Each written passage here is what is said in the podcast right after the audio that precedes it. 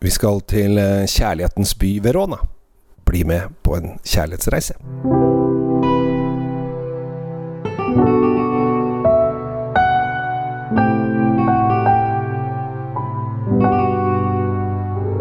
Hei, hjertelig velkommen til uh, ukens podkast. Jeg heter Kjell Gabriel Henriks. Håper at uh, alt står til liv, og at uh, det er god stemning hvor enn du er.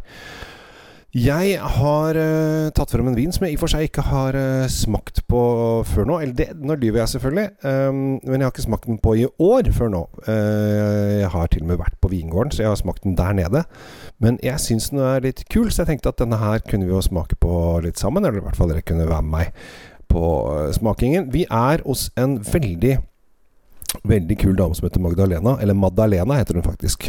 Eh, det er bare at det er veldig naturlig å si Magdalena, men det er Madalena.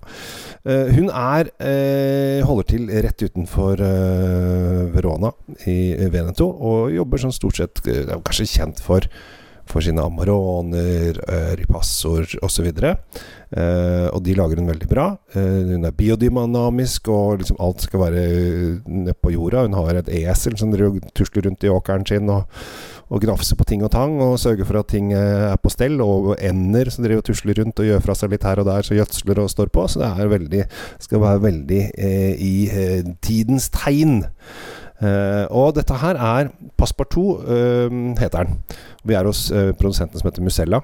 Og det er en produsent som jeg syns har vært kjempekul veldig veldig lenge. Jeg syns at ofte kan Veneto-viner være litt sånn svulstige og og søtladenhet. Uh, spesielt når det kommer opp til Amarone. Men når de kommer fra Musella, så syns jeg stort sett alle vinene er veldig høy kvalitet på. De har god høy kvalitet. De virkelig leverer og har uh, akkurat det de skal ha. Litt sånn De, de er lagd på en litt uh, freshere måte. Og her hun, litt, hun, er jo litt snodig dame.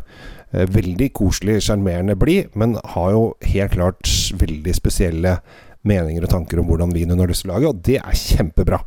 Uh, og her prøver hun på en måte eh, Passepartout er jo på en måte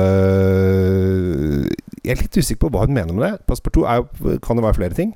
Kan jo være følgesvennen til Filias Fogg i 80, jorda rundt på 80 dager. Eller så er det da et innramming til et bilde. Et passepartout. Eh, jeg tror kanskje vi går mot det siste, ja, at vi dropper det første. Men jeg har ikke noen forklaring på hvorfor hun kaller det. Og det kan godt at hun sa det til meg når jeg var på besøk hos henne for tre år siden. Men eh, sånn husker jeg ikke lenger. Dette er en av de mer enklere vinene hennes. Hun eh, tar da og lager denne samme fetteren sin, Enrico, og har lyst å lage en vin der du på en måte nesten skal smake naturen. Men må ikke forveksles til naturvin. Eh, for hun vil lage ordentlig vin på ordentlig måte, men hun vil at naturen skal på en måte gi deg smaken. Og uh, Derfor tar hun da og høster druene, og så uh, lager hun da vin på ståltank, mens uh, vinen også lagres videre på en sementtank. Altså, ved å velge det, så vil hun at vi skal kjenne fruktsmaken i vinen. Hadde hun lagt det på en, vin, en uh, tretønne, så hadde vi fått liksom rundere viner og fått denne uh, eikesmaken, eller vaniljesmaken, som kommer. Så eh, som sagt, jeg har smakt den før. Så da er det spent. Og da er det Dette er jo laget på alle disse klassiske druene som de lager viner på i i Veneto. Det er eh, rondinella, det er corvina, det er corvignone. Også faktisk 5% barbera. Og når man lukter på den, så kjenner man med en gang litt pepper. Man kjenner pepper, man kjenner kryddertoner. Og det, det Altså, dette vil jo egentlig Det hun har lagd her, er en valpolicella. Vanlig valpolicella. Eh, det kan hun kalle den, eh, i og med at hun har gården sin der hun har den. Men hun gjør ikke det. Hun velger å kalle den noe annet, for at hun har lyst til å lage den litt råere og freshere i tiden. Og jeg tror hvis du hadde fått den her i munnen, eh, eller på nesa, så tror jeg ikke det Åh, dette er en Valpolicella, tror jeg ikke du har tatt med. For den har helt klart enda mer kryddertoner. Enda mer tydelighet enn mye Valpolicellaer som man får. Og da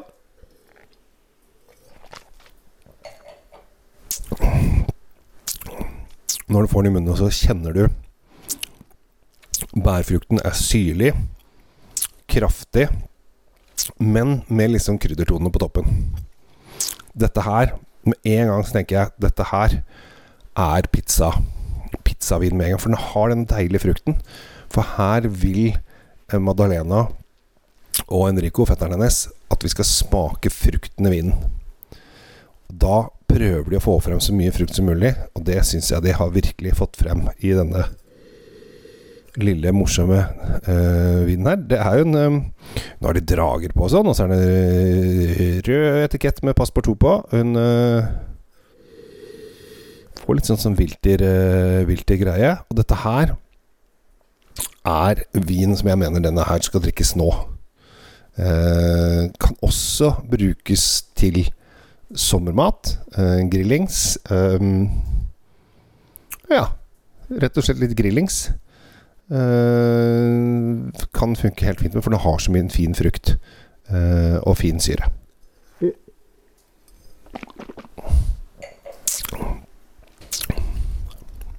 Ja. Syns vi Syns vi er der, ja. Dette var gøy.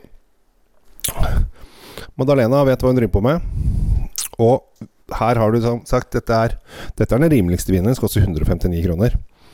Eh, og hun har jo da viner opp til 500 kroner, tror jeg. Kanskje den eldste, eh, den dyreste Amoronen koster, uten at jeg har sånne ting i hodet. Eh, men hun lager veldig mye kraftige, tydelige viner også. Så lek litt med, med Musella-viner. Jeg syns det er Hvis du er veldig glad i Veneto-viner, så prøv Musella. Eh, du vil kanskje oppfatte de litt sånn syrlige og friske, men det skal de være. Og du vil oppfatte at du kjenner liksom Akkurat nå så kjenner jeg liksom at jeg nesten skulle ha bitt litt i en litt moden kirsebær slash morell. Kjenner nesten litt sånn frukt-kjøttsmak i munnen. Som en sånn syrlig friskhet i ettersmaken. Og det er deilig. Da koser jeg meg! Og jeg håper du koser deg også. Takk for at du lytter. Eh, har du lyst til å være med meg til Toskana til høsten?